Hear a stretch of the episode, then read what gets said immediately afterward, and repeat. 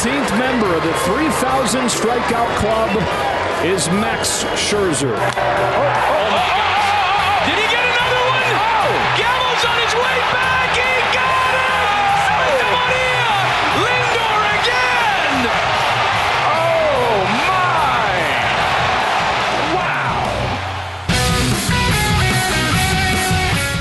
Ja, hallo en welkom bij een nieuwe aflevering van de Just a Bit Outside podcast. De enige echte MLB-podcast van Sport Amerika. En we komen steeds iets dichter bij de playoffs. En daar gaan we het dus vandaag weer over hebben om te kijken hoe alles ervoor staat. En dat doe ik, Justin Kevenaar, na toch enige weken van afwezigheid, samen met Jasper Roos. Ik was bijna vergeten hoe je stem klonk, maar fijn dat je er weer bent. Daarom dat ik dacht van ik stel mezelf even nog wat uitgebreider voor, zodat ook de mensen die luisteren het weten. En ik doe het ook met Mike van Dijk. Goed je weer te horen, Justin. Zeker, ja, voor eh, mochten mensen zich toch zorgen maken. Het was geen eh AL-stint of zo. Het was gewoon puur eh, ja, werk, vakanties, dat soort dingen. Het gebeurt allemaal. En vooral in de zomer, dan wordt het wat lastiger plannen. Maar gelukkig konden we op deze maandagavond elkaar toch vinden om het over honkbal te gaan hebben. Want er is toch weer genoeg gebeurd. En laten we allereerst dan beginnen met het stukje nieuws van de Hall of Fame. In die zin, hè, de, de, de, Hall of Fame, het was al een tijdje duidelijk, Jasper, wie daarbij kwamen. Maar goed, van de week was het dan eindelijk zover dat drie mensen in ieder geval, en een vierde, die kon er helaas zelf niet meer bij zijn eh, vanwege, vanwege overlijden. Maar vier, eh, drie mannen die mochten hun Hall of Fame plak ontvangen. Derek Jeter Larry Walker natuurlijk al eh, vorig jaar hun award of hun officiële verkiezing gekregen. Die mochten hun plakkaatje komen halen dit jaar. Omdat er natuurlijk dit jaar niemand in de Hall of Fame gestemd was, kwam dat even mooi uit. Want ja, vorig jaar geen ceremonie vanwege COVID. En dit jaar dus de jongens van vorig jaar zonder dat ze iemand in de wielen reden. Dus dit was eigenlijk gewoon Hall of Fame 2020 in Hall of Fame 2021 territorium. Ja. Ted Simmons werd ook nog eh, geroemd en, eh, en eh, die kreeg nog een, een plakkaatje. Dat is long overdue. Dat is een speler uit de jaren 60 en 70 die via een van die era committees de Hall of Fame uiteindelijk ingestemd is. Volkomen terecht. Heel goede speler. 22 jaar in de league, zeg ik even uit mijn hoofd zoiets. Echt ja, een legendarische speler uit de jaren 60 en 70. En Marvin Miller, de ex-president van de Players Association, oftewel de vakbond, die toen hij nog leefde zo ontzettend op zijn pik getrapt was dat ze hem telkens maar niet de Hall of Fame. Dat hij op een gegeven moment gezegd heeft: Ik wil nu niet meer verkiesbaar, gesteld, eh, verkiesbaar zijn. En ook als ik ooit nog via een committee erin gestemd word, wil ik niet dat mijn plakkaat opgehaald wordt. Maar ja, zijn familie heeft dat inderdaad gehonoreerd. Er is niemand verschenen van de Miller-familie. Maar en ik geloof dat de Donald Fair, de huidige president van de ijshockeyvakbond, die ex ook eh, MLB-vakbond is geweest, heeft eh, het plakkaat voor Marvin Miller in ontvangst genomen. Dus die vier heren zijn eh, toegevoegd aan de Hall of Fame. Ja. Nou ja, die Simmons vond ik inderdaad wel de me- me interessant. Want kijk, iedereen kent natuurlijk Derek Jeter inderdaad. En en Larry Walker ook wel tot op zekere hoogte. Al is het wel voor mij als een van de wat jongere kijkers eh, van de sport ook eh, iemand die ik niet zelf echt heb zien spelen. Maar die Ted Simmons inderdaad, dat ik ook nog zo'n stat wel voorbij zag komen. Dat hij voor zijn tijd echt gewoon, eh, ja, mis- misschien wel gewoon de meest dominante, in ieder geval aanvallende catcher was. Hij was bijna alle categorieën in ieder geval in zijn tijd nummer 1 of nummer 2. Dus ja, wel zo'n speler. Vind ik ook wel mooi waar dan zelfs hè, wat jongere kijkers zoals ik in ieder geval dan kennis mee maken op die manier. Omdat hij uiteindelijk denk ik wel genoeg voor de sport heeft, heeft betekend. Ik denk ook het feit eh, dat hij een catcher is, eh, of was, dat dat ook wel een beetje meegespeeld heeft. Hij is natuurlijk achtvoudig All-Star, Mhm. heeft de Silver Slugger gewonnen. Heeft een career war van 50,3. Dus het is echt niet zo dat dit een koekenbakker was. Maar Nee. ik bedoel, een 2,85 batting average, nou, dat is niet per definitie een Hall of Fame ding. Ja, op die Tw- manier. 248 home runs, een career OPS onder de 800, OPS plus van 118. Ja, ik bedoel, het is een goede speler, maar weet je, het is niet zo dat hij er in de, de, de heden te dagen game echt bovenuit springt. nee. Maar ik bedoel, laten we even wel wezen, 50 war verdien je ook niet zomaar eventjes eh, uit het niks. en ja, ik bedoel, als je toch als catcher met bijna 1400 RBI's eindigt en, eh, en bijna 250 home runs, dan denk ik dat, je, dat er wel een plekje voor je in te ruimen is. Zeker in de jaren 60 en 70, want dat waren toen, nou ja, je had eigenlijk weinig spelers die deden wat Ted Simmons toen deden in die periode. Hmm. Deed. Mike, jij nog gedacht over deze Hall of Fame inductees? Of zullen we doorgaan naar iemand die eh, misschien binnenkort wel, eh, of nou ja, binnenkort, over een paar jaar de Hall of Fame in kan gaan? Ik heb er weinig aan toe te voegen. Ik heb er ook weinig van gezien. Alleen eh, het, het fragment wat denk ik iedereen heeft gezien... dat eh, Derek Jeter nog even een grap maakte over iemand die niet op hem gestemd had. Ja, daar moest ik Ja. ook wel een beetje om lachen. Ja, dat, eh, is het- Tja, Ja, weet je. Ach, ik kan me, kan me een beetje voorstellen dat hij daar nog steeds misschien een heel klein beetje pissig over is. Wat ik nog opvallend vond, twee dingetjes, was natuurlijk ten eerste dat Michael Jordan aanwezig was, de basketballegende. En ja, goed. blijkbaar een vriendje van Jeter of zo, want ik zou niet weten waarom. Larry Walker die een uh, SpongeBob SquarePants button op had of iets dergelijks. Want die heeft natuurlijk vorig jaar toen hij uh, zijn telefoontje kreeg, had hij een SpongeBob SquarePants overhemd aan. Nu had hij daar een kleine knipoog naar door dat uh, buttentje op zijn shirt te hebben, op zijn jas te hebben. En ja, ik bedoel, laten we even wel wezen jongens, woensdagmiddag om 1 uur Amerikaanse tijd een Hall of Fame ceremonie doen in Cooperstown. Ik weet niet wie dat ja. verzonnen heeft, maar dat sloeg natuurlijk ook nergens op. Het lag dus niet aan mij. Nee, nee maar ik vond het ook, ja, ik vond het ook wel vrij bijzonder inderdaad, het moment. Want ja, je kan inderdaad geen onaantrekkelijke tijdstip nemen. Of het nou Amerikaan, uh, Amerikaanse tijd is of Nederlandse tijd. Het staat echt nergens op. Ik bedoel, niemand kan natuurlijk... Ja, er waren genoeg mensen hoor, daar niet van. Maar ik bedoel, je kan niet zomaar allemaal vrij nemen van je werk... om eventjes de Cooperstown te rijden... om jouw favoriete speler de Hall of Fame in, uh, in te zien gaan. Dus nou ja, ik... Uh, MLB, gaan we door. Ja, er gaan wel wat meer dingen inderdaad uh, fout. Maar goed, laten we dan doorgaan. Ik zei het net al, doorgaan naar een speler die... Nou ja, hoeveel jaar het zal gebeuren is nog wat onzeker. Ligt aan hoe lang die doorgaat, Max Scherzer. Maar dat hij erin gaat, uh, ja, daar hoeft denk ik geen discussie over te zijn. Want afgelopen zondag, gisteren dus op het moment dat we dit opnemen... een bijzondere mijlpaal voor Max Scherzer. Zijn 3000ste strikeout, Mike. Uh, dat is de 19e speler die dit weet te doen. En ja, ook de wedstrijd zelf. Het was niet dat hij het in een wedstrijd deed waarin niet helemaal had, hè? Hij, deed nee, wel echt was... op zijn Scherzeriaans. Ja, het was ongekend. zeker zeven innings, ja, nagenoeg perfect. En daarna kwam er een, in de achtste inning een, een, een dubbel van Eric Hosmer overheen, waardoor dat, niet, dat feestje niet helemaal doorging. Maar hij was, ja, was echt fenomenaal. Als je de, de movement zag op de pitches en dergelijke, het is, uh, het is ongelooflijk hoe, uh, hoe goed hij is. Ik vond het zelf, maar goed, dat is misschien uh, een stukje persoonlijke emotie. Het is zo jammer dat hij dat dan bij de Dodgers behaalt. Weet je wel? Ik denk dat hij hmm. best wel wat franchises in zijn carrière heeft gehad. Waar hij op dit moment zeg maar meer een band mee heeft en dergelijke. En nu is hij dan bij LA toegevoegd, waar hij overigens echt fenomenaal bezig is. wat wel opvallend is, is dat hij op al zijn pitches wel één mijl per uur ongeveer bij heeft gekregen sinds hij bij LA is gaan gooien. En ook iets meer Warmer controle weer, heeft hè? Warmer weer. ja? LA is, okay. LA ja, is altijd warm. Oké, okay. hmm. dan, dan, dan, dan ligt het daarin. Ik zat gewoon even te kijken naar de statistiek. Het viel me op. Uh, en hij heeft wat meer controle over zijn pitches, uh, lijkt het. Althans, hij gooit wat minder vierwijd. Maar hij is daar echt een top toevoeging geweest. Uh, we hebben het eerder gehad over wie zijn dan echt de, de, de aanwinsten geweest van de trade deadline. Nou, de toevoeging van Max Scherzer heeft de al zeer sterke uh, starting rotation van, uh, van LA, die toch ook wel blessureproblemen heeft gekend, uh, ja, alleen maar sterker gemaakt. Dus, maar met een Scherzer in deze vorm in, in de playoffs, nou ja, dat, daar kan je vrijwel zeker een, een weetje achter schrijven. Toen die, die dubbelte van Hosmer tegen kreeg, in de achtste inning, waardoor hij zijn perfect game kwijtraakte, dat was de wraak van Eric Hosmer, want Hosmer was ook het slachtoffer voor, voor Strikeout 3000.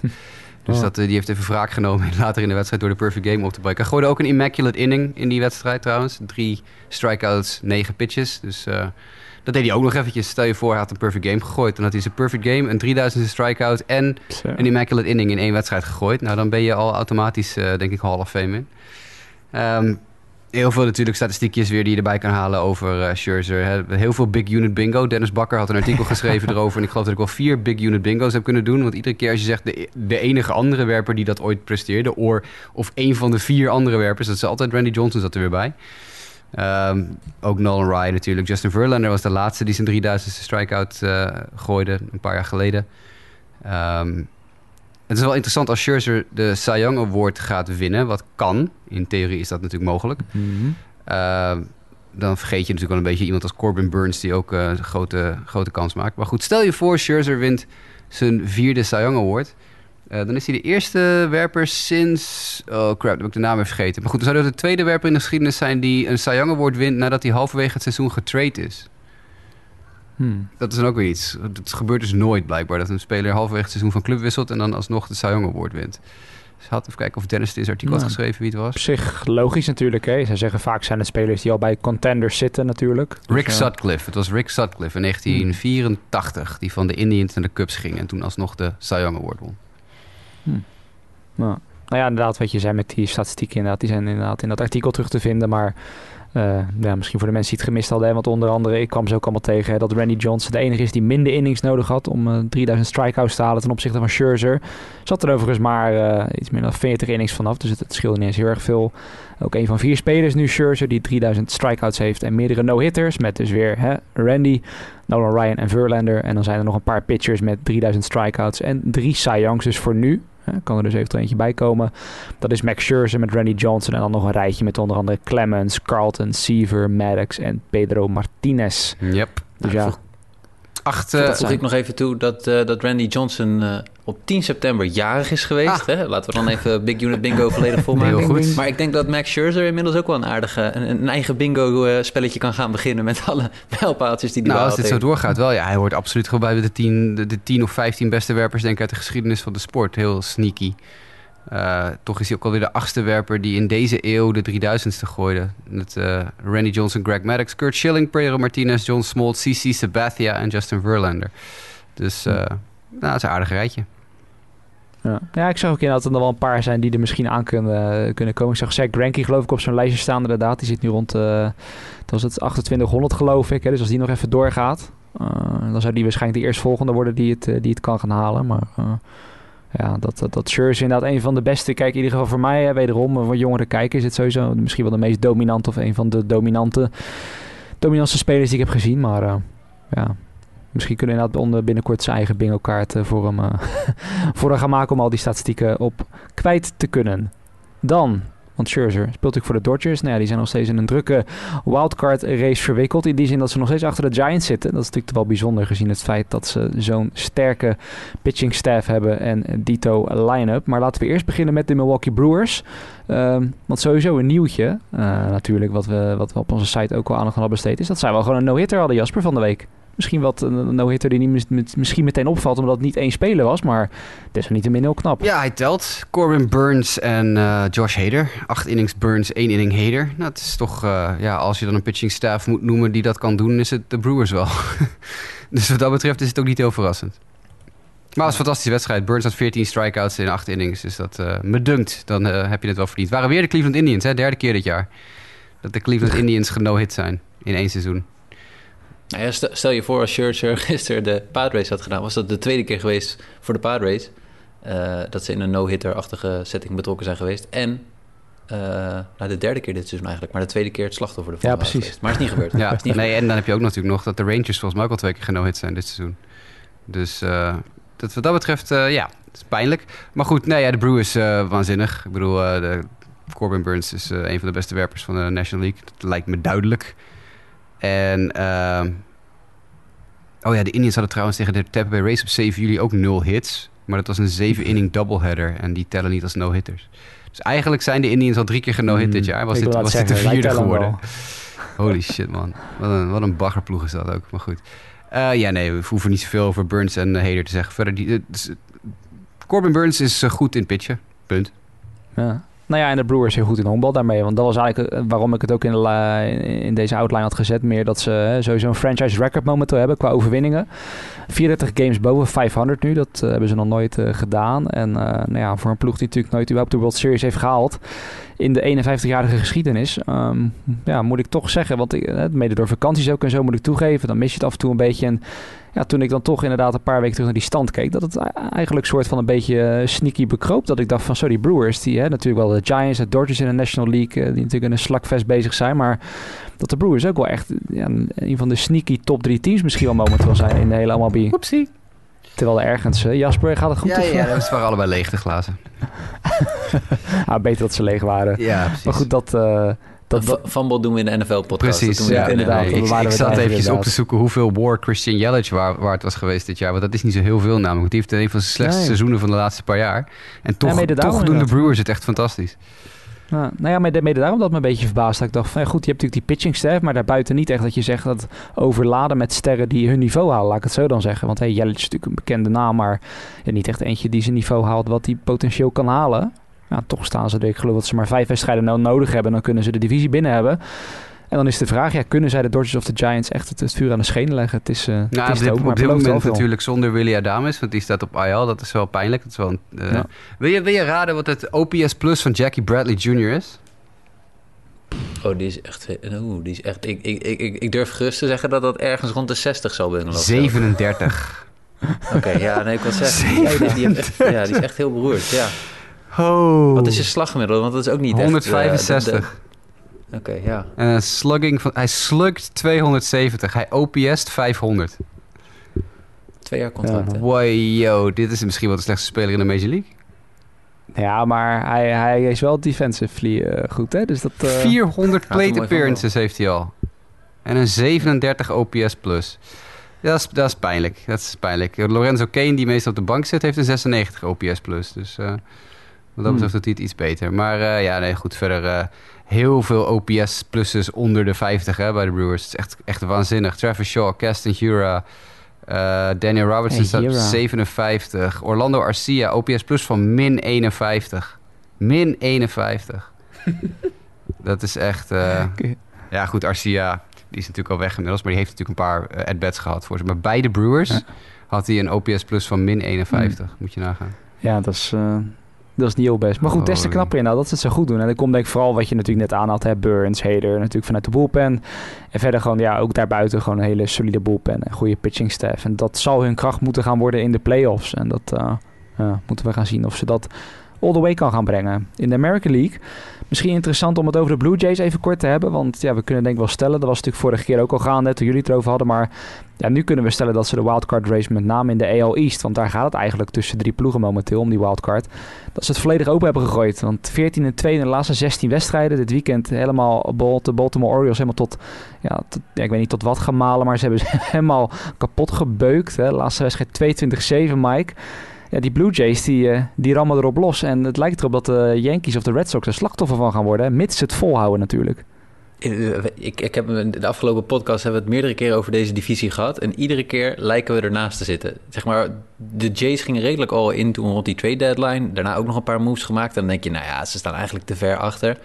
En inmiddels inderdaad doen ze gewoon volop mee in deze race. En eh, credit eh, aan, de, aan de front office dat ze er gewoon vol voor zijn gegaan. Eh, want ze blijken gewoon een hele goede kans te hebben om, eh, om die playoffs te gaan halen. En aan de andere kant ook neem, neem een team als de Yankees. Die hebben dan een hele serie van 13 en 2. Ja, de pitching toch weer wat blessures. Met bijvoorbeeld Tyone die naar de IL is gegaan. Eh, en die zakken dan in één keer weer helemaal weg. Dus het is deze, deze race, ik durf het niet meer te zeggen eh, wat, wat het gaat worden. Maar het is nog steeds een mogelijkheid dat hier gewoon twee teams de wildcard game gaan spelen. Ja. Nou ja, kans lijkt me redelijk groot. Hè? Want ik eh, zeg het even uit mijn hoofd. Maar de Mariners en de Athletics hebben allebei een beetje averij opgelopen. Met name Oakland is de laatste tijd wat, wat weggevallen. Staan nu drie wedstrijden achter. Net als de Mariners, meen ik. En ja, ik hoop er natuurlijk heel erg op. als, als, als Seattle-sympathisant. Maar ja, ik kan me toch haast niet voorstellen dat zij eh, boven, twee, eh, boven twee of drie van deze ploegen gaan eindigen. Hoe mooi het ook zou zijn. Dus ik, denk wel dat, ze, dat de twee uit de AOE's gaan komen. Ja, ook met dat run differential van plus 167 je wel zeggen dat op basis daarvan Toronto ook meer dan verdient. En ook Guerrero Jr. natuurlijk ontzettend in vorm. Derde speler ooit in de American League die 40 home runs, 100 RBI's heeft voor zijn 23ste. Na Juan Gonzalez in 1992 en ene Joe DiMaggio in 1937. Eh, misschien ooit wel eens van gehoord. Dus ja, het, is, eh, het wordt ongemeen spannend. Maar Jasper, wat denk jij? Gaan de Blue Jays aan het eh, langste eind trekken hier? Ja, kijk, er zijn twee dingen natuurlijk tegelijkertijd aan het gebeuren in die divisie. Aan de ene kant zijn de Blue Jays echt bloedheet. Mhm. Eh, aan de andere kant spelen ze ook natuurlijk tegen de Baltimore Orioles. Bijvoorbeeld afgelopen weekend. Ja, dat je dan 27 runs scoort of zo. Wat was het? In eh, 77 runs, weet ik veel. Ja, het, het waren er heel veel, heel veel. Echt Ja. waanzinnig veel runs gescoord de laatste paar dagen. Ja, goed, dat is super leuk om naar te kijken. Dat is vet. En Teoscar Hernandez heeft me single-handedly naar de volgende ronde van de Fantasy Playoffs geslagen. Tegen onze oude vriend van de show, Nick D'Alessi. Ja. Nee, je moet ze ook winnen. Dat, bedoel, de Yankees hebben laatst nog een keer een serie troptocht tegen de Orioles, meen ik. Eh, niet zo lang geleden, dus ja. Nou, op dit Vertel moment, wel. ik heb net de Yankees Twins aangezet. En ik weet niet wie er op de heuvel staat voor de Yankees. Eh, ik kan het even niet zien. Maar die staat nu al 3-0 achter in de eerste inning. En het zijn sowieso Hmm. twee home runs. Miguel Sano legt er ook net even eentje over de hekken. Dus dat gaat ook weer lekker daar in New York. Maar los daarvan, ik bedoel, dat Blue Jays, hè, ten eerste bloedheet, hartstikke goed, spelen gewoon heel goed, hebben goede pitching, heel tof. Aan de andere kant natuurlijk tegen de Orioles, die zijn niet zo heel goed. Zeker dit afgelopen weekend niet. En daarbij staat 4-0 inmiddels al voor de Twins trouwens. En eh, daarbij heb je natuurlijk bij Boston en New York, die hebben geloof ik eh, wel wat, hoeveel COVID-uitbraken gehad in de selectie eh, dit jaar allemaal? Ik bedoel, ik geloof dat ze bij Boston aan hun vijfde toe zijn. Met Chris Sale, die nu een, eh, een positieve test heeft afgeleverd. En nog een paar andere jongens die in quarantaine zitten. De Yankees hebben er al drie of vier gehad. Eh, dus ik bedoel dat, ja, en, en intussen Toronto helemaal niks. Dus ja, weet je. eh, Het, wat me opvalt, ik heb even ook een beetje terug zitten kijken, maar het is mij eh, compleet een beetje langs me heen gegaan. Eh, Zal ik eerlijk bekennen dat de afgelopen weken eigenlijk al, dus al in augustus, dat de, de Blue Jays zo'n positief run differential hadden. Maar ook een expected win-loss al veel beter was in die hele tijd dan de, de Red Sox en de Yankees. En nu lijkt dat nu eindelijk recht te trekken dat ze ook daadwerkelijk die ploegen voorbij gaan. Ja. Even trouwens, even, even iets heel geinigs tussendoor. Ik zit dus met een schuin oog naar de Twins Yankees te kijken. En het is een van mijn favoriete Mhm. dingen in honkbal gebeurde net. Gil is de pitcher. Die gooide een fastball Mhm. door het midden op Miguel Sano. Die, Miguel Sano, we kennen hem allemaal, stevig jongen. Als, die raakt niet veel, Ja. maar als hij hem raakt, zit hij er behoorlijk hard op. Die swingt vol uit. En de pitcher steekt zijn vinger omhoog alsof hij zegt... Ja, flyball. Nou, geloof mij, ja, het was een flyball. Maar dat ging, die ging niemand vangen, jongens. Dat is... eh, Een beetje verre flyball, ja. Ja, iemand in het publiek die vinger misschien, maar... Ja, en dat doet me gelijk denken, want God. Joey Gallo die staat linksveld te spelen en die sprong tegen de muur voor niks. Eh, want die bal lag er gewoon uit. Weet je hoeveel sacrifice flies Joey Gallo in zijn carrière heeft geslagen? Dat is een stetje dat ik toevallig een paar uur geleden op Twitter Eh, tegenkwam. God, het zullen er heel veel zijn, maar... Twee! Ja.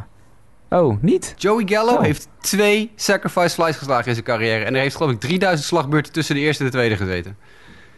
Dat is echt sick. al, hè? Ja, die, die slaat dus geen Dat sacrifice. was ik, ja. Maar goed, dat even tezijde. Nou, Maar, dat, maar- dat, maar- dat maar nu het hebt over-.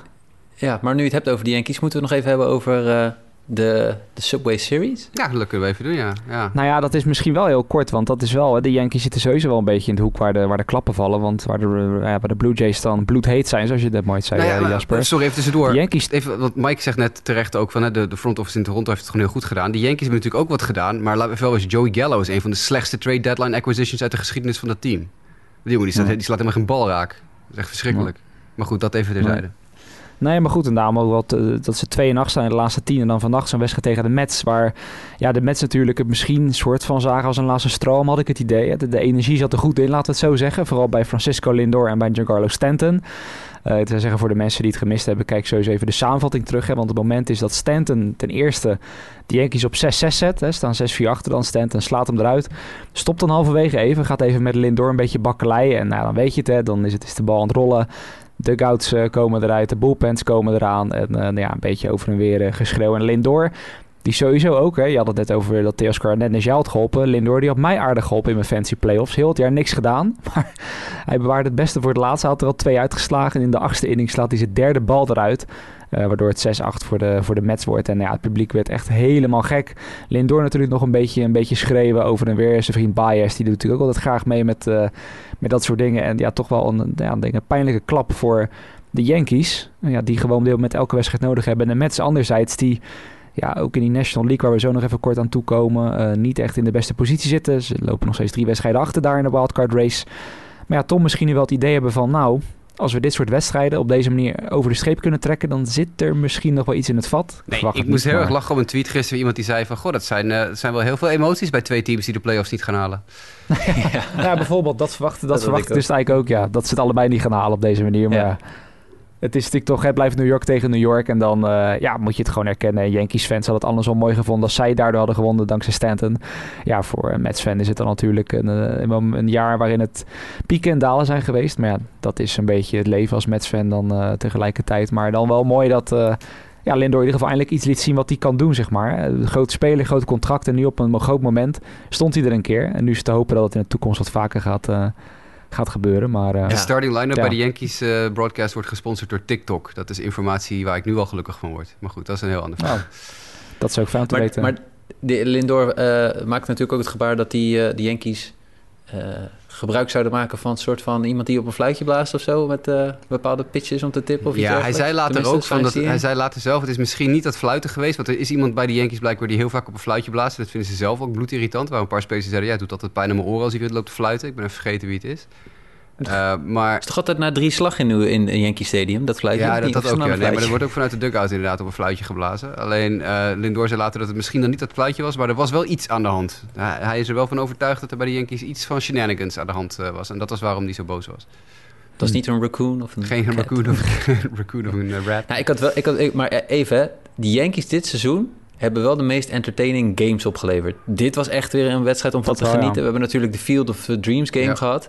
Eh, Dat is wel een reden waarom je die Yankees erbij wil hebben. Want dit team kan gewoon ook echt gewoon een complete wedstrijd drie, vier keer eh, doen kantelen. Zowel met eh, matige Mhm. pitching als met eh, geweldige hitters als Stanton en, en Judge.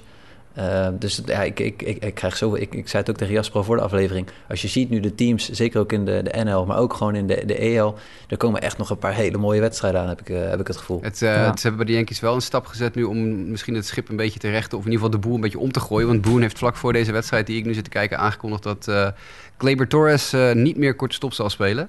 Eh, want die heeft in de afgelopen week geloof ik wat vijf errors gemaakt of zo. Vier errors gemaakt. En hij heeft er al 18 dit seizoen. Dat is best veel. Dus die schuiven ze terug naar het tweede honk. En DJ LeMahieu gaat naar het derde honk fulltime. Oké. Gaat, gaat, gaat, Boone, gaat Boone ontslagen worden als hij het niet haalt? Mm, denk het, Er denk is het niet. maar één manager die tot nu toe... Nee, ik denk, eh, denk dat hij inderdaad dan een soort van nog een laatste kans ik krijgt. En als het ja. dan inderdaad nog een jaar eh, dit is, zeg maar, dat het dan wel... eh, Ik denk inderdaad ook dat dit zijn laatste, zijn, zijn laatste poging zal kunnen zijn, inderdaad, eh, hierna.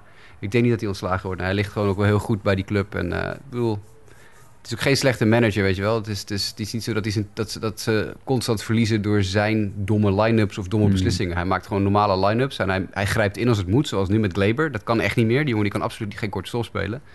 Nou, wat doe je dan? Dan moet je als manager ingrijpen en niet gewoon stug vol blijven houden. Maar gewoon zeggen, luister, LeMahieu kan ook derde honk spelen. We schuiven LeMahieu naar drie, uh, Glaber Ja. naar twee. En weet ik veel wie ze op kort zetten. Maar goed, dat maakt ook niet heel veel uit. Maar er is Nee. echt ook echt maar één manager tot nu toe vervangen. Hè? Dat is dan Francona geweest. Maar voor de rest, eh, opvallend eigenlijk dat er eh, alle managers volgens mij nog in een stoeltje zitten. Ja, nou gebeurt het weinig natuurlijk bij MLB als clubs... dat er midden in het seizoen echt ingegrepen wordt. Dat is... eh, het gebeurt wel eens. Maar, ja, laatste Ja, keer was bij Cincinnati geloof ik, hè? Twee, drie jaar geleden dat geloof ja, ik zoiets, ja, David Bell toen, ja. die overnam. Ja, ja eh, I don't know. Eh, het is een spannende, spannende divisie hoor, maar het, eh, Dat zeker. ik, eh, ja, ik ga er ook niet meer heel erg veel over nadenken... want het kan morgen toch weer allemaal anders zijn. Dat zeker zo, want dat is ook nog... eh, ik had dan ook nog die schema's erbij gezet, maar er valt ook eigenlijk voor iedereen wat te zeggen. Behalve dat misschien wel de Red Sox, moet ik zeggen, die krijgen de Orioles zes keer en de Nationals drie keer. Dus die krijgen wat dat betreft wel de minste contenders, om het zo maar te zeggen. Eh, maar ja, er valt voor iedere ploeg wel wat te zeggen. En heeft iedereen een voordeel en een nadeel. Het wordt in ieder geval heel erg leuk. En eh, ja, daarna krijg je dus nog dat een van deze drie teams een wildcard game mag gaan spelen. En dat levert dan hopelijk ook veel, veel spektakel op. Wat krijgen de Blue Jays nog? De Blue Jays... Eh, eh, die hebben hier, ik had hier zes keer Tampa Bay staan. Dat is wel lastig, maar ja, aan de andere kant in deze vorm kan het wel. Zeven keer de Twins, best wel opvallend dat ze er nog zeven keer tegen ook, moeten. ook te doen. De Yankees zie ik nog een keer ertussen en daarna hebben ze nog de Yankees en Orioles, Ja. twee series. Nou, is niet, Dus niet ja. heel makkelijk, maar ook niet dat je denkt eh, heel moeilijk. De Rays en de, en de Yankees zijn wel pittig. Nee. Ja, de Yankees hebben bijvoorbeeld ook, die hebben dan eh, Orioles, Indians, Rangers. Maar dan hebben ze ook wel meteen al hun concurrenten met Red Sox, Blue Jays, Rays. Dus Ja. ja. dat kan goed werken, omdat je het soort van een eigen hand hebt als je je business orde hebt in die wedstrijden. Maar Man, dat schema, dat, dat is van de Toronto staat echt helemaal nergens op. Vanaf vandaag. Drie keer Rays, off day. Drie keer Twins. Drie keer Rays. Vier keer Twins. Die spelen gewoon in 13 dagen tijd tegen, te- te- tegen twee verschillende teams. Ja. Alleen maar. ja, daarom, dat vond ik ook opvallend. Ja, vooral met de Twins. Dat, ja. Ja, die spelen Ja. gewoon zes keer op rij thuis. Drie keer tegen de Rays, drie keer tegen de Twins. En dan vervolgens zeven keer op rij uit. Drie keer tegen de Rays, vier keer tegen de Twins. Het is heel apart. Ja. Ja. Maar goed, we gaan het, eh, we gaan het meemaken. Dan de laatste korte uitstapje even terug naar de National League. Hoe het daar dan ervoor staat. Eh, ja, we hadden het net natuurlijk al kort erover. Hè. De Giants die zijn er bijna. Eh, die zijn ook weer wederom bloedheet. En dan gaat het natuurlijk vooral interessant worden om te volgen of de Dodgers ze kunnen gaan pakken. 2,5 games achter de Giants nu. En ja, het zou toch wat zijn hè, dat de Dodgers met deze line-up een wildcard game moeten spelen. Ja. Kan je het je voorstellen? Oh, die winnen ze dan toch wel. Dus, Ja, dat denk ik helaas. Oh, ja, sorry, Ja, dat hoop ik, ook. hoop ik wel voor ze. Ja, maar als ze die verliezen. Paul. Nee, ja, nee de- maar de Dodgers zijn gewoon... Het, het grappige is, ze staan niet bovenaan... maar het is nog steeds een, een ongekend sterk team. En eh, u- überhaupt, de, als je kijkt nu naar de, de race in de NL... Ik vind, ik vind de teams eigenlijk... Dat is waarom ik ook zoveel zin krijg in, in de playoffs... zijn allemaal te- relatief wel gelijkwaardig. Ik heb niet echt de indruk dat er één heel erg veel onder hoeft te doen voor de ander. En alle teams hebben ook wel echt wel... eh, ja, de mogelijkheden om, eh, om het de ander moeilijk te maken. Atlanta is natuurlijk best wel op, op slag de laatste tijd. Je zei net al Milwaukee... Ja, de, de vraag is inderdaad, die, die, die tweede wildcard, die kan echt nog wel alle kanten opgaan. Ja. Eh, Maar ja, daar is dan de vraag. nog steeds goed in de running. Ja, maar daar is dan inderdaad de vraag, stel je moet het tegen de Dodgers, wie kan het flikken? is misschien ook de vraag, wie heeft de beste ace daarvoor? Uh, jij hebt natuurlijk San Diego dat al lange tijd eigenlijk op die tweede wildcard stijf, maar elke keer een beetje stijvertje wisselt met Cincinnati de laatste tijd. Maar St. Louis komt er ineens weer bij uit het niets, uh, één game achter nu. En dan Philadelphia en New York, die ook nog een klein beetje hopen... Uh, ja, dat ze kans maken op die, op die tweede wildcard. Uh, waarbij ik dan vooral ook denk als ik zo kijk dat San Diego bij far het meeste verlies heeft natuurlijk. Hè, want ik bedoel, uh, wij iedereen, maar ik denk dat zo'n beetje iedereen die MLB kijkt voor het jaar had invulde van nou, Dodgers 1, Padres 2 en Padres winnen de wildcard. Um, ja, als ze die missen, dan is dat denk ik toch wel, toch wel pijnlijk voor die franchise. Uh, net nu het alles een beetje mee leek te zitten en dat uitgerekend de Giants je eruit houden. Ja. Maar, wel even de pitching matchup voor die wildcard. Die gaat toch. Als, als, uh, San Diego staat er het beste voor. Ook als je mm -hmm. kijkt naar uh, run differential en expected win-loss. Maar dan krijg je dus gewoon uh, U tegen, tegen Walker Bueller of ja. Mad Max. Ja, ik denk ook wel voor de matchup. Hè. Puur de Padres Dodgers natuurlijk. Hè. Dat is toch uh, iets wat ineens is gaan leven de afgelopen twee jaar. Zou ook wel het mooiste ja. zijn, denk ik. Maar uh, het enige wat dan wel ja. nog een ding is... De Giants spelen nog tien keer tegen de Padres. Dus dat is ook wel uh, liefst tien wedstrijden tussen die twee teams. Um, dan kan je zeggen dat is voor de Giants moeilijk. Maar in deze vorm dan hebben misschien eerder de Padres een probleem. En Cincinnati, die dat natuurlijk loopt te loeren, die staan gelijk. Die spelen 9 van de 18 tegen de Pittsburgh Pirates.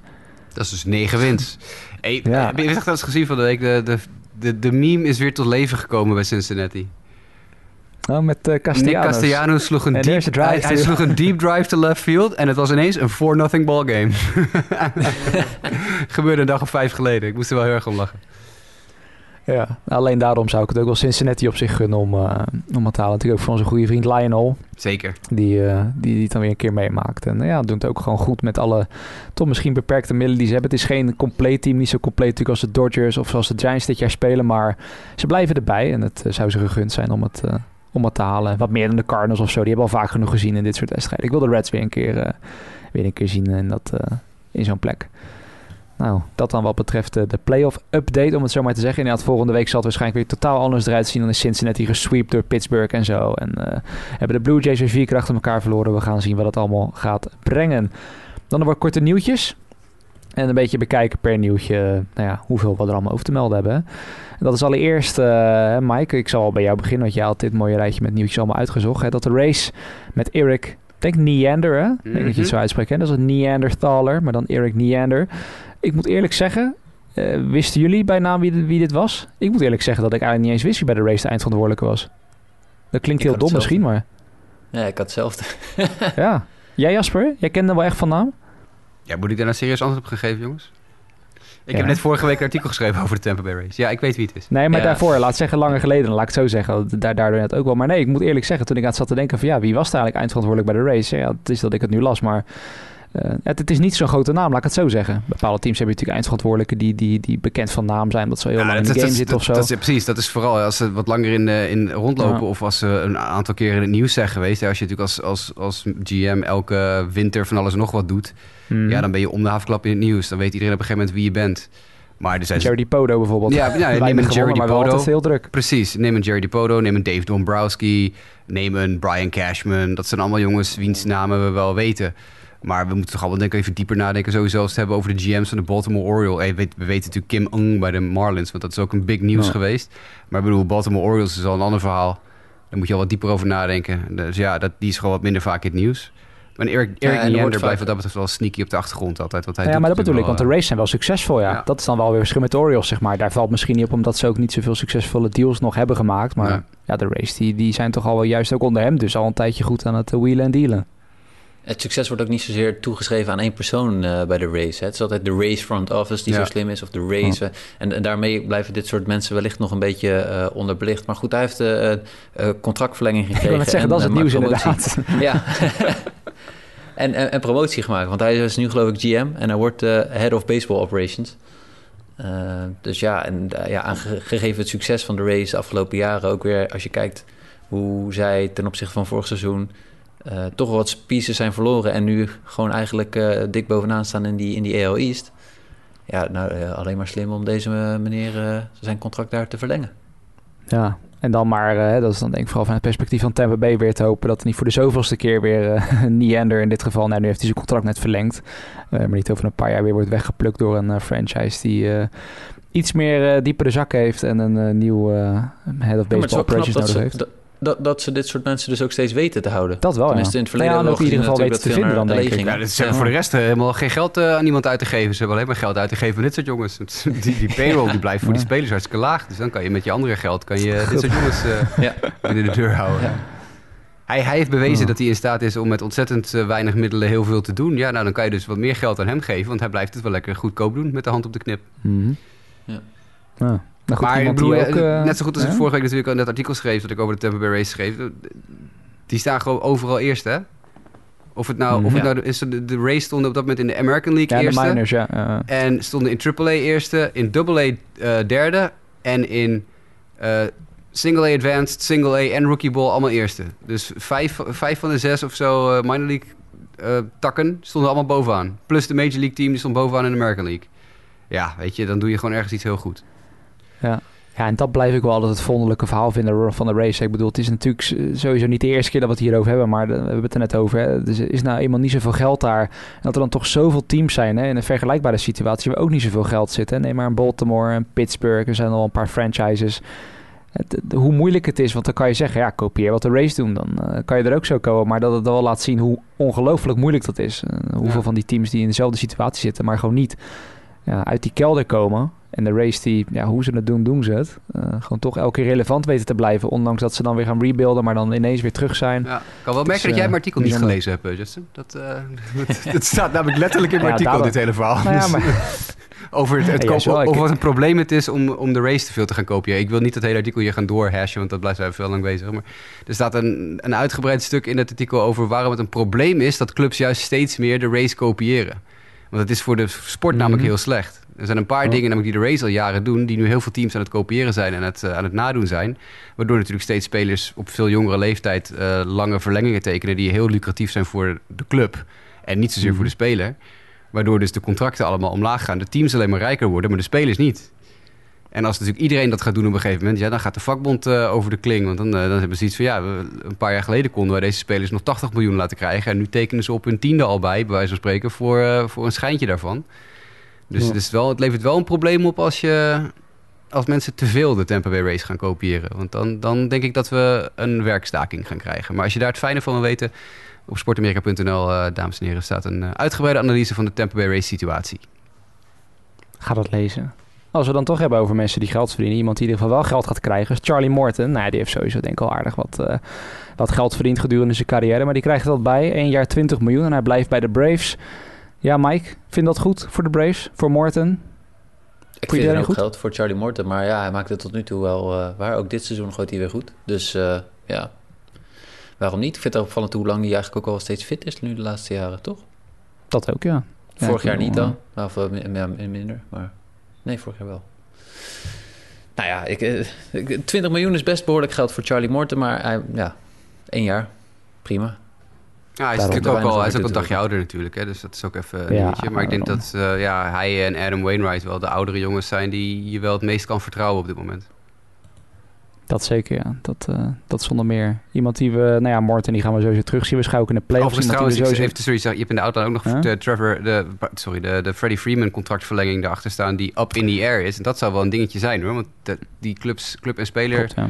schijnen toch niet helemaal dicht genoeg bij elkaar te liggen om eh, tot, een, tot een eventuele goede royale contractverlenging voor Freeman te komen. Dus Hmm. Hoewel ik uiteindelijk wel denk dat ze er gaan komen hoor. Want Freeman zit natuurlijk helemaal die zit het verankerd in die club helemaal. Ik wil net hè. zeggen, dat is echt een beetje sinds Chipper Jones denk ik wel echt eh, de nieuwe Brave, zeg maar. Die echt gewoon het Precies. boekbeeld is van die franchise. Ja, echt gedraft door de club, opgeleid door de club. En nu echt al jaren de captain, eh, de- de- echt het gezicht van de Braves.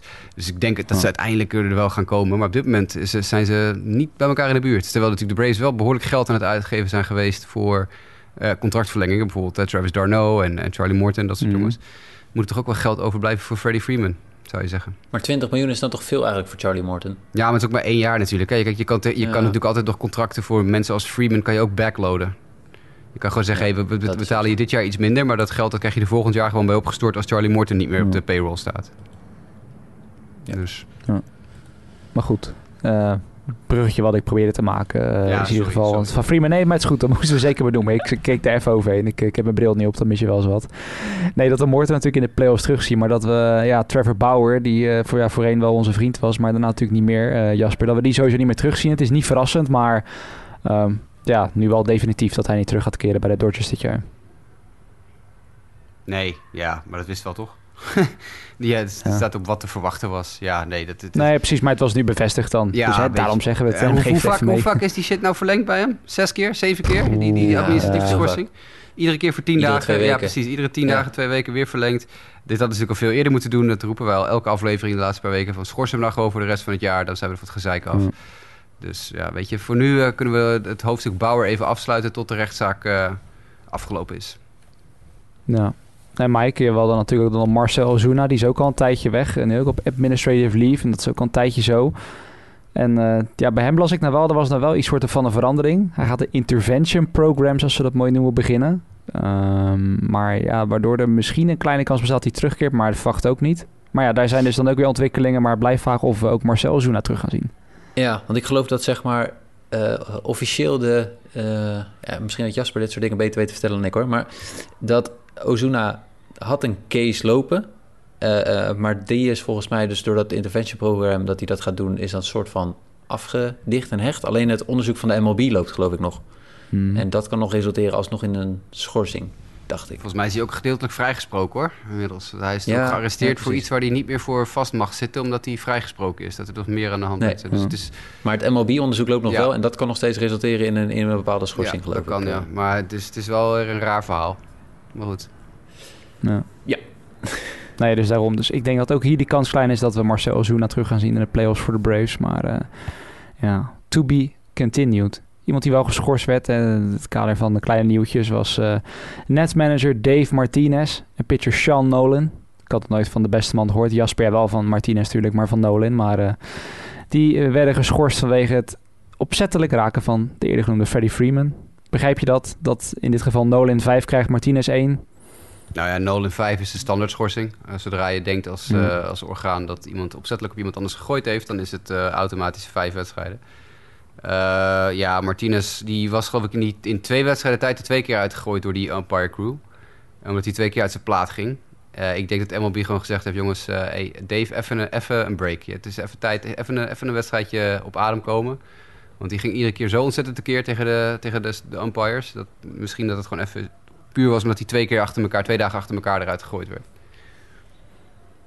Wel een grote lefty zie ik trouwens, die Sean Nolan hoor. 2 meter, 113 kilo staat hier. Zo. Nou, die moet je ook niet tegenkomen in een uh, donker Nee, en, en ook wel bijzonder, 2013 gedebuteerd voor Toronto. Toen had hij een ERA van 40,5 in één start. Prima. Toen is hij daarna nog twee jaar in de league blijven hangen. Is hij zes jaar weg geweest en nu weer terug bij de Nationals op 31-jarige leeftijd. Nou, Dat is een eh, bijzonder levensverhaal. Misschien de volgende keer maar eens wat dieper induiken. Maar goed, nu eh, moest hij eh, vijf wedstrijden even missen. Maar goed, is een starter, dus kan hij waarschijnlijk meteen daarna weer, eh, weer gaan starten voor de Nationals. Dan ehm, ja, Seth Beer, misschien Jasper om bij jou te houden. Dat is natuurlijk een man wiens naam wel eens is gevallen. Ook bij de draftcast sowieso die wij hebben gedaan, denk ik. Seth Beer, dat hij daarbij natuurlijk zat. Die was eindelijk, hè? En je zei het geloof ik in de appgroep, terwijl we hem eigenlijk een soort van vergeten waren. ja, dat, daarom, we hebben er heel veel over Seth Beer gehad rondom zijn draft. Omdat dat natuurlijk en een hele Ja. leuke naam is. En omdat hij echt gewoon de, de hele collegewereld aan gort had geslagen anderhalf jaar lang. Eh, uiteindelijk is er niet zo heel veel van gekomen. Is gedraft door de Astros. Uiteindelijk naar de Diamondbacks getrade. Volgens mij in de Zach Greinke deal. Toen Greinke van de Ja, Diamondbacks naar, het wel, ja. naar Houston werd gestuurd. Daar zat Beer in de return. Wie zat er nog meer in voor Arizona, Mike? Een paar van de andere Eh, big leaguers, toch? Bukauskas Ja, dan, denk dit- ik ook, of niet? Was dat alweer een andere? Mm, Ja, dat zou kunnen. Ik, ik, eh, was Van Meter ook via die deal? Nee, weet ik niet. Er zaten, er zaten, ja, zou kunnen. Er zaten meerdere... er was nog eentje. Ik ga even kijken. Even- Eh, daar die, eh, Rojas. Ja, Rojas inderdaad, ja, klopt. Ja, nou goed, hoe Die dan ook. die deal is uiteindelijk voor Arizona best goed uitgepakt. Want ik bedoel, Granky is natuurlijk lullig om die kwijt te raken, maar met Beer zitten nu geloof ik drie of zo, drie van de vijf of vier van de vijf van de jongens die ze teruggekregen hebben, zitten nu in de majors. Ja. Dus eh, op zich een goede trade geweest. En Beer maakte dus zijn debuut van de week en sloeg direct de home run. Dus nou ja, dat is altijd leuk. Dat, eh, dat soort jongens waar we veel over gepraat hebben. Tank voor Beer was een dingetje toen, weet je nog? Dat, eh, dat, Ja, en nu tanken we met En nu tank je met Beer, ja, inderdaad. Ja. Hij had, We staan één wedstrijd voor op de number one draft pick voor volgend jaar. Dus dat gaat niet de goede kant Nee, op. dat is inderdaad een probleem. Maar ik denk dat, ja, weet je... het is altijd leuk voor een club als Arizona als jongens als, als Seth Beer... die dus in een high-profile trade zaten, eh, gewoon goed debuteren. En Ja. niet, nul uit hun Precies. eerste 41 gaan of zo, weet je wel. Ja. Ja. En als we precies. nu maar niet, zeg maar, zoals ze hebben gedaan met Trevor Bauer en eh, Max Scherzer... ze in de komende twee, drie jaar ruilen... Voor troep. dan Ja. eh, kunnen we er nog een beetje van genieten ook... als ze een beetje wat beter worden. Ja. Ik had nog even snel opgezocht als inderdaad eh, JB Bukowskis, de werper, die nu geloof ik een reliever-rol eh, actief is hè, bij Arizona. Josh Rojas en Corbin Martin. was ja, de, nog Corbin de werper die Martin daar ook bij ja. zit. Die Ja. best wel, geloof ik, echt alleen maar geblesseerd is hè, tot nu toe. Wat best wel zonde is, maar het wilde er ook nog, Nog niet helemaal weinig uit. eh, ja, nog weinig van Oh, komen. die maar, Rogas eh, is ja, ook een goede speler geworden, hoor. Dat is echt een leuke, leuke jongen om eh, een beetje te zien, te zien ballen af en toe. Dat zeker. En je had trouwens ook nog, tenminste Mike had hij erbij gezet, die Keibert Ruiz, de, de catcher. Die de Nationals natuurlijk hadden... Of Kiebert. Ja, ik dacht Kiebert Keibert. Het is een beetje alsof het dan een Friese naam is. Rotterdamse hè. Kei- Cabot. Ja, nou, of gewoon Fries of zo. Keibert. Kijk, Keibert Ruiz. Nee, Kiebert Ruiz. kijk bij Dijkstra. Ja, inderdaad. Ja. Nou ja, Nee, ja, die is ook Kiebert gedebuteerd. Ja, daar ging het om. Ja, en natuurlijk zijn maatje ook, hè, want dat zijn de jongens die voor de, voor de Scherzer, in de Scherzer trade van Mhm. met LA zaten. De Scherzer en Turner trade, Ruiz en Gra- Jos- Josiah Gray. Allebei gedebuteerd, Mhm. allebei met Klopt, ja. gemixte, gemixte resultaten bij Washington. Maar dat eh, stikt van het talent hoor, dus eh kom Ja, goed. Ja, ja ik wil best- zeggen, Gray was al een tijdje inderdaad, maar dat was inderdaad een beetje met ups en downs tot nu toe. Ik denk dat hij twee of drie starts heeft gehad of zo. Nou, wat, Dus, wat eh, eigenlijk ook nog wel heel grappig, en daar ga ik echt niet langer dan één minuut bij stilstaan, maar net de Twins, Dat de. Twins tegen de Yankees, eh, daar startte John Gant en die zat in die Tampa Bay trade eh, met Mhm. eh, Minnesota bij de deadline voor Nelson Cruz. Eh, die is dus eigenlijk getrade op het moment dat hij min of meer big league ready is. Josiah Gray, Keibert Ruiz, allebei opgeroepen nadat ze getrade zijn. Volgens mij zijn er nog twee of drie jongens die rondom de deadline als prospect getrade zijn, die vrijwel direct gedebuteerd zijn. Wat je vroeger veel meer zag, was dat er dus jongere spelers, dus jongere prospects getrade werden, die nog een jaar of twee in de minors nodig hadden. Maar blijkbaar zijn teams steeds meer welwillend om met spelers te, te, te- hè, eh, spelers te traden die Mhm. dichter tegen de majors aanzitten dan voorheen. Omdat ze misschien... Ja, spelers worden steeds jonger als ze debuteren. Of de jeugdopleidingen zijn beter. Dus ik weet niet precies. Maar ik vond het heel opvallend dat je nu al echt... Of, volgens mij in totaal twee Twins, twee eh, Nationals. En ik dacht hier of daar nog één of twee andere... Die sinds de trade deadline eh, ge- ge- gedebuteerd hebben. Nou ja, precies. Maar die is dan bij de Twins. Die Joe Ryan, die pitcher, hè, die van de race naar de, naar de Twins is gegaan ook. Die is ook Oh ja, eh, die twee ook, starts ja. gemaakt bij de, Ja, bij de. Twins inderdaad. Dus dat is inderdaad een van die Twins die inderdaad meteen debuteerde ook. Ja, precies. Ja. Dus ik, ik, zei, John Gant, ik bedoelde Joe Ryan. Ja. Dus dat is wel heel ik dacht gewoon, die zat ja, op nee, ik, ik- sorry, ik zat, ik, ik zat naar John Gant te kijken. En ik had, opgelost. ja, precies. Ik had Joe Ryan in mijn hoofd. Maar die zat ook in de trade natuurlijk, John Gant. Klopt, ja. ja. Ja, eh, maar goed, dat, los, dat, was, dat was geen prospect. Die zat al eh, in de majors bij eh, de Cardinals. Dus dat vond ik een opvallende ontwikkeling. Jonge jongens zoals Keibert Ruiz, ook die Josiah Gray, die meteen maar... Nou, hier, succes. Ja, en ook leuk toch? Want juist bij dat soort teams willen we dat uiteindelijk zien. Dan willen we niet alle ja, 30 eh, Ja. veteranen zien waarvan we al weten wat ze brengen. Je wil dat talent zien. Dus dat is ook alleen maar mooi voor de sport. Dat je die dan in ieder geval eh, bij teams waar het nergens meer om gaat, in ieder geval aan het werk kan, eh, Ja, kan zien. Met 100%. weliswaar gemixte resultaten, maar hè, dat hoort erbij. Dat is de groeicurve die erbij hoort. Laatste dingetje wat ik dan nog had, die had ik erbij gezet. Een soort van feitje van de week, omdat ik hem gewoon wel heel mooi vond. Hè? Miguel Cabrera. We hebben het, eh, deze episode nog in één keer over de Tigers gehad. Dat is niet zo gek natuurlijk, want de Tigers die, eh, ja, spelen nou eenmaal nergens om eh, dit jaar. Niet heel onverwacht. Natuurlijk eh, een rebuild daar met veel jonge gasten. Maar Miguel Cabrera die is daar nog steeds aan het slaan. En die had laatst in negen AB's achter elkaar een hit.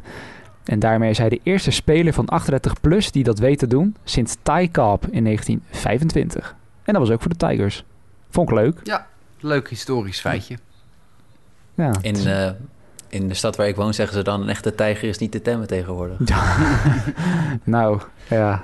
Dat, eh, We gaan door. we gaan, laten we dat doorgaan, Mike. Blessures. Je had er een paar opgeschreven. Zeg het maar. Yes, eh, Chris Sale COVID, die hadden we al eerder eh, Mhm. kondigde Jasper die al aan. Dus eh, hij is het, eh, het laatste slachtoffer, zo'n beetje inmiddels, eh, of het meest recente slachtoffer van het coronavirus en is dus op dit moment niet beschikbaar. Garrett Cole, die heeft zijn laatste start de heuvel verlaten met een hamstringblessure. Wander Franco had ook een hamstringblessure. Cole is de verwachting van dat hij geloof ik in de loop van deze week wel weer moet kunnen gooien. En Wander Franco heeft twee tot drie weken nodig, dus die zou net op tijd fit gaan raken voor de playoffs. Ik vind het fantastisch, want ik moet deze week in fantasy playoffs tegen Jimmy. En volgens mij heeft die Wander Franco. Dus wat dat betreft eh, wordt mij hier wel even wat ellende bespaard. Kijk, Dat is, eh, dat, dat, dat- het zit je mee. Het zit je mee. Eh Zach Eflin, de werper van de Phillies, die heeft een knieoperatie ondergaan aan zijn patella. En die is in ieder geval zes tot acht maanden uitgeschakeld. Dus die heeft de focus op volgend seizoen. Dan hebben we nog wel een belangrijke blessure bij de San Diego Padres. Want daar heeft Jay Cronenworth zijn vinger gebroken op een hit by pitch. En dat betekent wel wat hoofdzorgen voor de manager. Want eh, eh, hierdoor moet eh, Fernando Tatis mogelijk weer terugkeren in het infield. Wat altijd Ja. foutgevoelig is. En het is even onduidelijk even wat nu de status is van Cronenworth. Hij is nog niet op de IL geplaatst. Ik weet ook niet hoe lang je doorgaans nodig hebt voor een gebroken vinger. Of hij door kan spelen, ja, nee. Maar eh, eh, hij staat nog op de roster op dit moment. En dus ook op mijn fantasy roster waar die niet bruikbaar is. Dus op dit moment eh, draagt DJ LeMahieu draagt de lading op het tweede honk bij mij. Oké. Dus ik heb, Maar, eh, ja. ik heb die even hard nodig. De- deze speler hebben ze wel nodig. Ook zij. Ja, ook zij ja. Ja, de zeker. De Crone Zone. Anyway. Ja, precies. Ja. en eh, dan hebben we nog een, ja, een kleine Jacob de Grom update. In ieder geval, hij is, het is nog niet volledig uitgesloten dat hij dit seizoen gaat terugkeren. Ehm, maar ja, Nou ja, we zeiden vorige week toch ook al lijkt 99,9% zeker dat hij niet meer in actie komt. Dus, eh, ja. Hij, ik geloof dat hij nu langzaamaan wel weer gewoon de rehab begint van zijn eh, programma. Dus dat hij een balletje af en toe zou gaan gooien. Maar ja, of je dan op tijd terug bent. Er is niet echt volgens mij heel veel mogelijkheden om een rehab start te maken. Waarom zou je het forceren als je niet echt meer kans gaat maken? Maar ja, dat is, eh, dat is vooruitlopen op dat de Mets uitgeschakeld zijn. En dat zijn ze nog zeker niet voor onze Mets-luisteraars. There is Dus, a chance. eh, there is a chance, precies. Ja, en dat zijn een beetje de daar, blessures. Eh, en ook, ook daar is spijtig natuurlijk voor fantasy managers die dan de Grom hebben. Ik weet bij ons is dat geloof ik eh, Lars die hem had. En die als een raket van start ging ook in onze league. Maar sinds de Grom weg is gevallen ook. Hij, eh, hij zit wel bij de laatste vier moet gezegd worden Lars. ja, wie zit er ook eh, bij de laatste vier? Lastig. Ja, je hebt, Ja. eh, je, hebt, je hebt voor upset gezorgd hè, door Nick D'Alessi. Ik denk dat eh, wat eh, oudere luisteraars eh Nick nog wel weten. Die zat in het verleden ook bij de pot.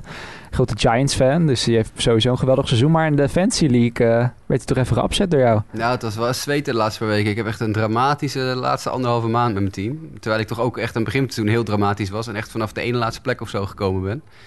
En al mijn dikke trades zijn mislukt. Ik heb trades gemaakt voor Cody Bellinger, die opeens niet meer weet hoe die moet honkballen. Ik heb een trade gemaakt voor Trevor Bauer, die na twee starts voor mij op de administrative leave list ging. Eh, ik heb een trade gemaakt voor Chris Bryant, die eh, regelmatig even een dag of twee op de bank moet zitten omdat hij weer geblesseerd is. Dus Hmm. eh, de enige trade die een beetje redelijk gewerkt heeft, is de Eloy Jimenez trade die ik met Mike gemaakt heb. Toen ik Mike een paar prospects voor volgend jaar stuurde en ik zelf Eloy Jimenez erbij kreeg. Byron Buxton home run, 5-0 twins intussen trouwens. Ehm, maar goed, eh, ja, ik heb gelukkig eh, met een 6-6 gelijkspel tegen Nick. En de onderlinge eh, tiebreaker was in mijn voordeel. Maar het was heel spannend. DJ LeMahieu's twee runs van gisteravond tegen de Mets hebben wij gered. Ja. Ja, die Twins zijn lekker bezig. Ik zie dat ik Palanco heb, die eh, ook sowieso Ja. mijn seizoen nog een beetje heeft gered. Die eh, had er ook alweer eentje uitgeslagen. Mooie, mooie dingen. Maar nou ja, misschien voor... Ik weet niet of de luisteraars heel veel boeit. hè, Maar je staat nu na tegen Jimmy in die halve finale. En die andere is dus onze Lars Leeftink en Julian Ubachs eigenlijk de twee jongens. Eh, nou ja, Lars zit in bijna elke podcast, behalve Ja. deze eigenlijk zit ik te bedenken. Maar dat de jongens die er sowieso samen in de NFL-podcast zitten, die moeten daar tegen elkaar opnemen. Maar en laten we niet vergeten, ik en Mike, we waren weliswaar losers dit jaar. Eh, ja, Mike, je had eh, helaas vervelend genoeg helemaal best wel een vervelend seizoen eh gezien de ho, stand. ho. Maar ja, ik wil net ja. zeggen, we hebben wel allebei voor upsets gezorgd in de playoffs. Als eh 12 en Precies. 11 seed. Dus, En onze playoffs zitten zo in elkaar dat op het moment dat je in de laatste zes zit en je wint de playoffs van de, de constellation bracket van de, de, Mhm. de verliezers, dan krijg je de first pick volgend jaar. Dus jullie hebben er ook nog daadwerkelijk iets te winnen daarom. Eh, als je goed blijft spelen. Dus jullie spelen nu voor de first round pick van volgend jaar. Ja, we, We, we tank- staan nu, we staan nu in de top 4 doordat we die kwartfinale hebben gewonnen. Ja, heel goed. Nou, daarom, we, tank, we tankten heel het jaar om eigenlijk te pieken op dit moment. Dus dat we alsnog voor die eerste plek eh, kunnen gaan. Gaan wachten op het juiste moment. Ik moet zeggen, het was alleen wel voor mijn geval ten nadele van... eh, of ten koste van Sander. Die natuurlijk eh, waarschijnlijk ook andere zaken die aan zijn die hoofd heeft heeft. denk ik een tijdje al geen liners meer. Eh, zijn. Maar goed, die heeft, eh, die heeft op een ander vlak gewonnen, zullen we dan maar zeggen. Dus eh, nou ja, die, eh, daar kan hij wel mee leven, denk ik. Dat, eh, dat komt wel goed. Dus dat eigenlijk. Dan hebben we met mensen thuis ook nog even een fancy update gehad eh, van ons. eh, en ik denk dat er waarschijnlijk onder onze luisteraars ook de nodige fancy fans zitten. Dus iedereen natuurlijk ook succes met je eigen halve finales of loser halve finales of waar je ook in actief bent. Hebben we nog iets gemist? Zit ik even te denken. Tot Nee. slot. Volgens mij niet. Ik, ik vind het mooi geweest, keurig binnen het uur. Die, Ja. die, die pitcher van de Yankees die gooit echt alleen maar fastballs door het midden. Dat gaat niet goed komen vandaag, kan ik je vertellen. Goed, oké. Nee, dat is eh, helaas ook voor de Yankees-fans die naar ons luisteren. Inderdaad, maar te hopen dat de vorm terugkeert en dat ze die. eh, En ik zit helemaal eh, de Yankees niet te bashen hoor, nu totaal niet trouwens. Dat is echt niet mijn bedoeling. Maar ja, toevallig zie ik ze net alleen maar dit wins home runs slaan. Dus ja. Nee. Soms moet je gewoon zeggen waar het op staat. Ja. Het, het is niet anders. En we zeiden het net al toen we het over die wildcard race hadden. Het kan zomaar veranderen. Straks winnen de Yankees de zes achter elkaar. En gaan volgende week weer zeggen... oh, wat zijn die Yankees gloeiend heet zeg. Die Ja. gaan zo de playoffs in. Pitcher heeft wel een heel mooie, dikke, vette gouden ketting om zijn nek. Dat dan weer wel. Dus, Nee, maar dat hoort tegen. Net zo een als in San Diego. nou, dat is bijna net zo groot inderdaad, ja. Goed. Dat jasje van Toronto, dat is wel een ding. Dat is wel, ja, wel ja, een- ja, ja. ja, het is een mooi jasje. Het, het home run jasje. Ja, ze hebben Ja, mooie, mooie dingen, ja. ja. Nou ja, in ieder geval Jasper bedankt, Mike bedankt eh, om mij te vergezellen op deze maandagavond. Eh nou ja, goed, zoals Jasper net aanduidt, hè, er staan ook wat artikelen op de site. Lees die vooral, inderdaad, als je er meer wil weten over de race onder andere en ook ander MLB nieuws. En je kan ons natuurlijk nog steeds altijd bereiken via justabitpodcast.gmail.com als er prangende vragen zijn waarvan jij wil dat wij ze beantwoorden, dan kan je dat vooral doen. En je kan ons ook via Twitter natuurlijk altijd bereiken voor jouw wensen, vragen, suggesties, whatever. En dan zijn we volgende week weer terug met een nieuwe Just a Bit Outside. Tot dan.